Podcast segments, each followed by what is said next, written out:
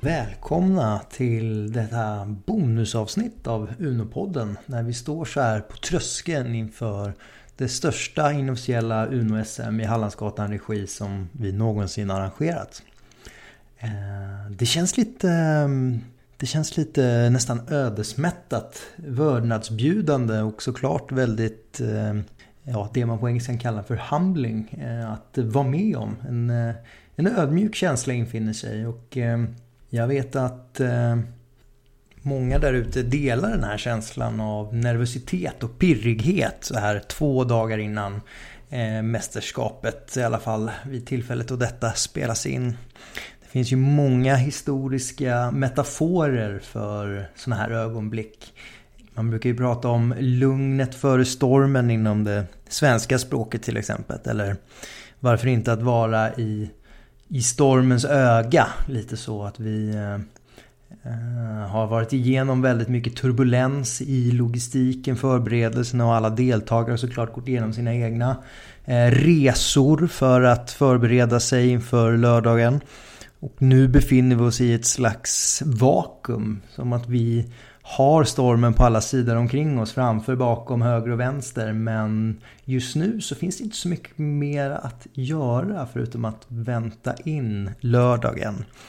Eh, en annan metafor som drar mig till minnes är ju det som Gandalf och Pippin erfar tillsammans eh, i, på murvallarna i Minas Tirith när de stirrar in mot Mordor och ondskans makter. Pippin säger vad, vad lugnt det är.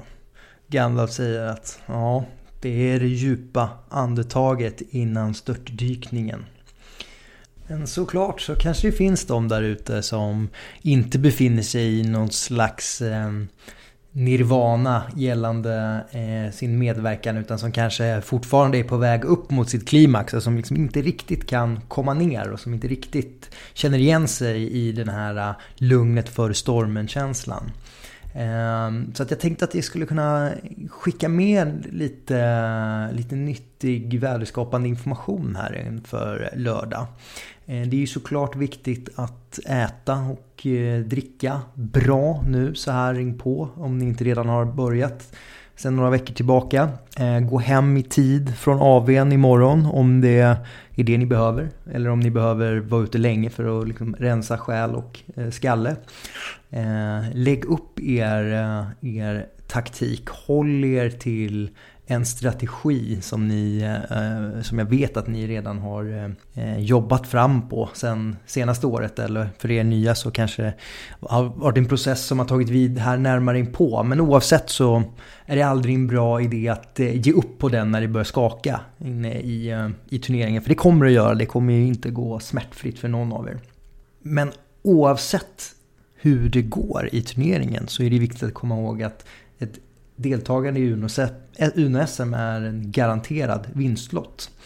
Eh, den glädjen och gemenskapen som vi kommer att erfara tillsammans är i sig en eh, garanti för att du kommer gå segrande ur lördagen. Jag personligen kommer inte att medverka men om jag hade gjort det så eh, skulle jag använt mig mycket av det som jag lärt mig under eh, året som har gått inom mindfulness eller medveten närvaro som eh, det också pratas om ibland. Det finns nämligen ett uttryck inom mindfulness som heter the gap. Och det handlar alltså om att det finns ett avstånd, ett litet, ett litet håligrum mellan att vi upplever någonting och att vi reagerar på det. Det vill säga att om någonting säger någonting till dig, kanske en komplimang eller en förolämpning, så finns det ett litet mellanrum tills du reagerar på det. Eh, inom det där eh, mellanrummet så finns det för de som är duktiga på det en möjlighet att eh, kustomisera, att skruva på vår reaktion.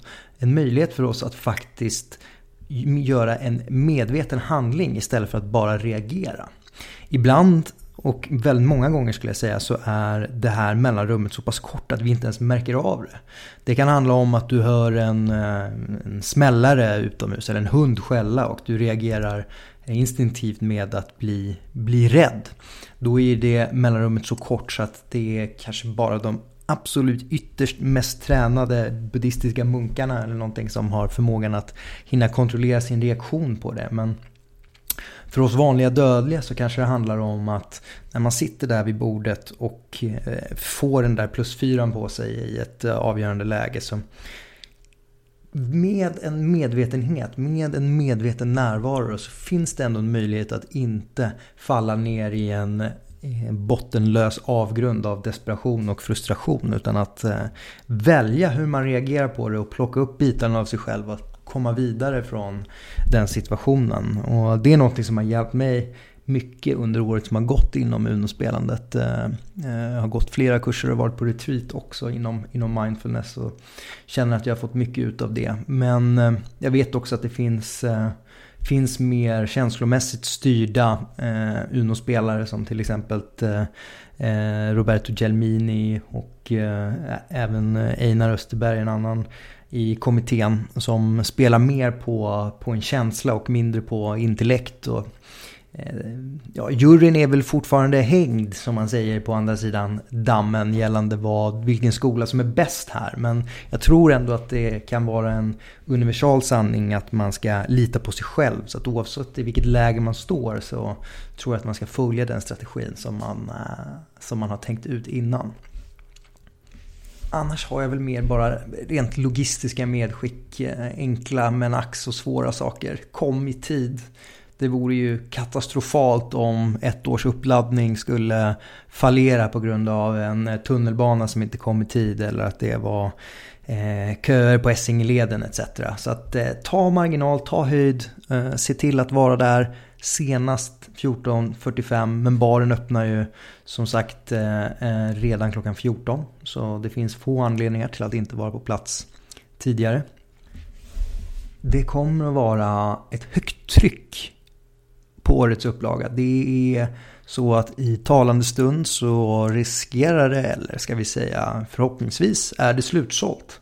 Vi närmar oss alltså 80 deltagare och eh, ja, eh, vi har ju alltid sagt egentligen att vi ska hålla på med det här eh, som en glädje och lustfylld eh, aktivitet som går att bedriva helt utan eh, press eller kommersiella intressen.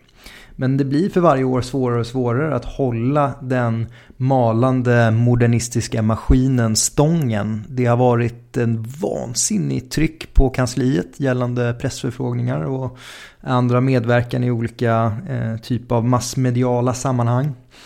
Eh, det är ju på den gränsen att man vill, vi vill ju inte eh, tjäna oerhörda summor på det här eh, mästerskapet. Men inför nästa år så är det väl en eller tre av oss som kommer att ta sig en ordentlig funderare kring om det är värt att, att, att jobba kvar på sitt vanliga dagsjobb eller om det kanske är, lika bra att sadla om nu och göra det här på heltid. Eh, ni kanske noterade att vi figurerade i den eh, snudd på rikstäckande dagstidningen Mitt i söderort. Eh, där vi fick en hel halvsida. Väldigt kul att det finns dagstidningar som fortfarande värdesätter kvalitativ journalistik och content. Det är väldigt mycket clickbait där ute eh, eh har jag erfarit. Eh, kan också glädjande meddela att eh, en av de mest respekterade inom eh, spel och ja, kanske inte dobbel men i alla fall inom spel och samkvämssammanhang Rickard Olsson känd från bland annat eh, Vem vet mest? Bingolotto. Hörde av sig via ombud och eh, vill intervjua undertecknad imorgon 15.10, 15.00 i Radio Star FM tror jag det var.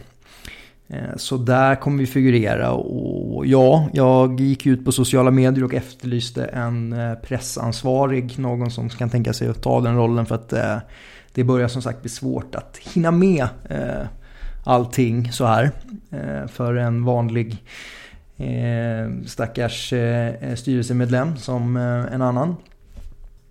Men nu skulle jag vilja ta tillfället i akt att backa lite. att zooma ut lite och försöka landa lite inför lördagen. Och skulle vilja berätta lite om eh, en händelse jag varit med om eh, i livet och i Uno-sammanhang som, eh, som förändrade både mig som person och som spelare. Den här händelsen ägde rum 2007.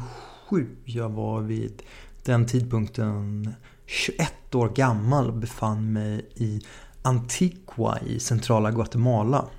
Antigua är en väldigt vacker gammal kolonial stad. med en kullersten som är anlagd i ett sånt klassiskt eh, rutnätverk som många städer på andra sidan Atlanten är, till exempel New York. Men här var det såklart i mycket, mycket mindre skala och istället för stora skyskrapor så pratar vi här om sådana gamla tegelhus i spansk stil med hängande växter och balkonger eh, utanpå som eh, verkligen skapade en, en, en, harmonisk känsla och inramad av vackra grönbeklädda vulkaner i en, i en dalgång. Jag, jag var där för att eh, studera och eh, volontära. Det fanns en, en sportbar där som jag brukade använda för att sitta och plugga i. Där träffade jag en man som var från eh, Arizona i eh, södra USA som var nere och jobbade på något eh, myndighetsprojekt. Han berättade för mig att de brukade spela poker. På den tiden så var ju Texas Hold'em väldigt populärt. De, hade, de brukade spela poker i ett, ett litet sällskap med så expats som träffade och spelade för en liten summa. Och, eh, jag tyckte att det där lät ju eh, intressant för jag hade ju trots allt lite fritid där vid sidan av mina eh, gudsgivna uppgifter som eh, stödlärare till ett gäng stökiga nioåringar och spanska böckerna. Så att jag följde med på en av deras pokerkvällar. Sen gjorde jag det återkommande under egentligen hela min tid i Guatemala.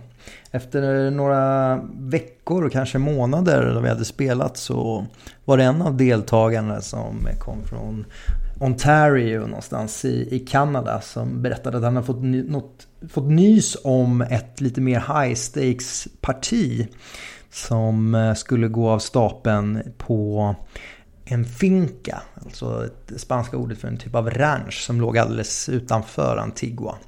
Och det hade gått ganska bra för mig på de här pokerkvällarna så jag hade en liten buffert. Så när jag fick höra summan som det skulle kosta att vara med på den här äh, turneringen eller den här, ähm, det här partiet så tänkte jag att ja, vad fan, antingen så gör jag något vettigt för de här pengarna eller så blåser jag dem på att få vara med på det här pokerpartiet. Och eh, ja, ni kan ju gissa vad, vilket beslut jag tog. Så att några kvällar senare så befann jag mig tillsammans med en annan av de här deltagarna som eh, egentligen hade mm, bättre mm, likvida medel att tillgå än jag själv på väg ut till den här finkan.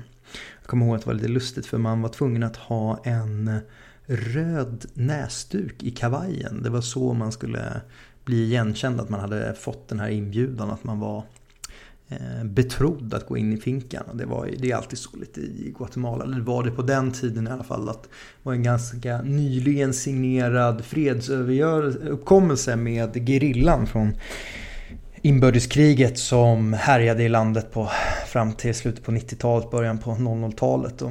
Ett av skälen till att det kunde bli fred var att det blev en total benådning från regeringens sida av gerillasoldaterna. Och de fick även behålla sina vapen. Och det resulterade i att det fanns en, ett, vid den här tidpunkten väldigt mycket vapen i omlopp och väldigt många män som inte hade så mycket att göra. Och det de ofta gjorde var om de inte slog sig in på det mer ljusskygga yrkesområden så var det att de var vakter. Så att liksom, alla lokala små butiker och tiendas hade oftast en vakt som hade minst en stor revolver eller kanske ett automatgevär som eh, eh avskräckningsmedel. Och så var fallet även när vi närmade oss den här finka som hade exceptionellt många vakter som stod med stora automatgevär och ammunitionsbälten hängande över brösten.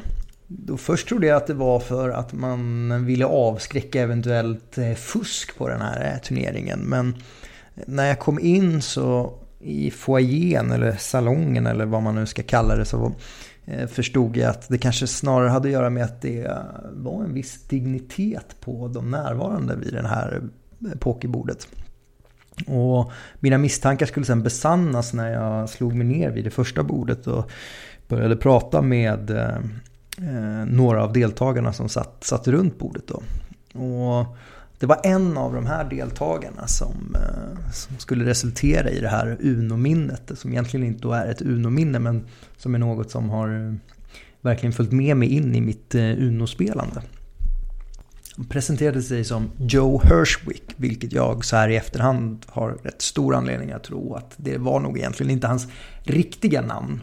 Men han var en väldigt intressant herre. Han jobbade åt amerikanska utrikesdepartementet och vid den här tidpunkten i eh, Guatemala så innebar det när någon sa att man jobbade för det amerikanska utrikesdepartementet en ganska stor sannolikhet att man i själva verket jobbade för CIA eller någon annan lite mindre eh, ljusvänlig del av amerikansk utrikespolitik. Så att jag lyssnade lite extra på de eh, berättelser han hade. Och eh, jag minns inte exakt hur vi kom in på det men vi började vid en tidpunkt samtala om grannlandet eh, El Salvador. Då, grannlandet till Guatemala som har likt Guatemala fast kanske ännu värre haft stora bekymmer med både krig och framförallt ekonomi och korruption. Och han hade en teori om, eh, om ja, både hur man tar sig ur dåliga tillstånd. Både när det gäller mikronivå, alltså på individuell nivå, men också på makronivå. Hur en stat genomgår en förändring till det bättre.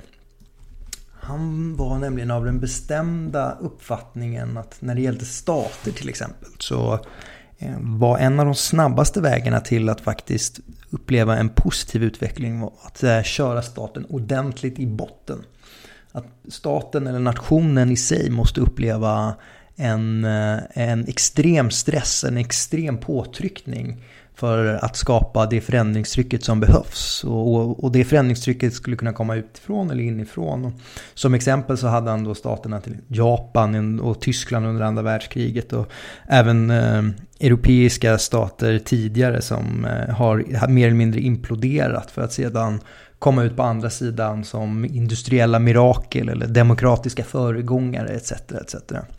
Och det fanns ju någonting i hans övertygande sätt att prata. Han hade en, en, en sån aura, typisk klassisk amerikansk jänkar-aura. Lite sådär manchevistisk men ändå karismatiskt. Att det liksom, eh, man ville ju att han skulle prata mer och, och, och, och, berätta vad han tyckte och tänkte om världen. Och, han hade även ett, ett, exempel med en avlägsen släkting på individuell nivå som har missbrukat någon eh, form av substans. Och, eh, som flera gånger gjort halvhjärtade försök att ta sig ur det där men eh, eh, halkat tillbaks in i, i missbruk tills det gick så pass illa att han hamnade på gatan och, och någonstans där så nådde han botten. Och, kunde, kunde vända sitt liv där. Och glädjande nog så var han fortfarande i liv den här släktingen och det gick bra för honom. Och jobbade som någon typ av socialarbetare och varit ren i, i eh, över tio år. Och jag minns det så väl än idag hur han tog en djup klunk ur en mångårig sån här dyr rom som jag kände att jag verkligen inte hade råd att köpa själv. Och så tog han den här klunken och satte ner glaset och spände ögonen i mig och så sa han Ali, för det är så de uttalar mitt namn där borta tydligen. If you want to reach heights you've never been at before, you have to go all the way down the abyss. Only by slamming into rock bottom with force can you bounce back hard enough to build that momentum that is required to reach never before experienced levels of success. Och jag vet inte om det var sättet han sa det på eller om det var orden han sa. Eller om det var kvällen och stämningen. Men det där stannade med mig och jag bestämde mig för att eh, jag skulle anamma den livsfilosofin. Och därför bestämde jag mig den kvällen för att jag skulle jag skulle liksom satsa hårt och fortsätta köra. Att när det började gå dåligt i pokern där som jag hade investerat alla de här pengarna som jag hade vunnit under pokerkvällarna. så skulle jag bara fortsätta köra. Och det började dåligt eh, och sen gick det sämre. Och sen eh, förlorade jag alla pengarna. Och det var den kvällen som momentumfilosofin föddes hos mig som jag senare skulle ta med mig in i mitt eh, Uno-spelande som på många sätt har revolutionerat det sättet som vi åtnjuter och upplever Uno på idag. Jag lämnade inte Finca Donna Rosa som en rikare man den kvällen när det gäller likvida medel. Men herre min skapare vilken eh, rikedom, vilken skatt till filosofi jag fick med mig därifrån och vilket, vilket minne för livet. Och med det sagt så ser jag oerhört mycket fram emot att tillsammans med er alla skapa nya minnen för livet på lördag. Vi ses! Nybohovs festlokal. Lördag 12 november 14.45 senast.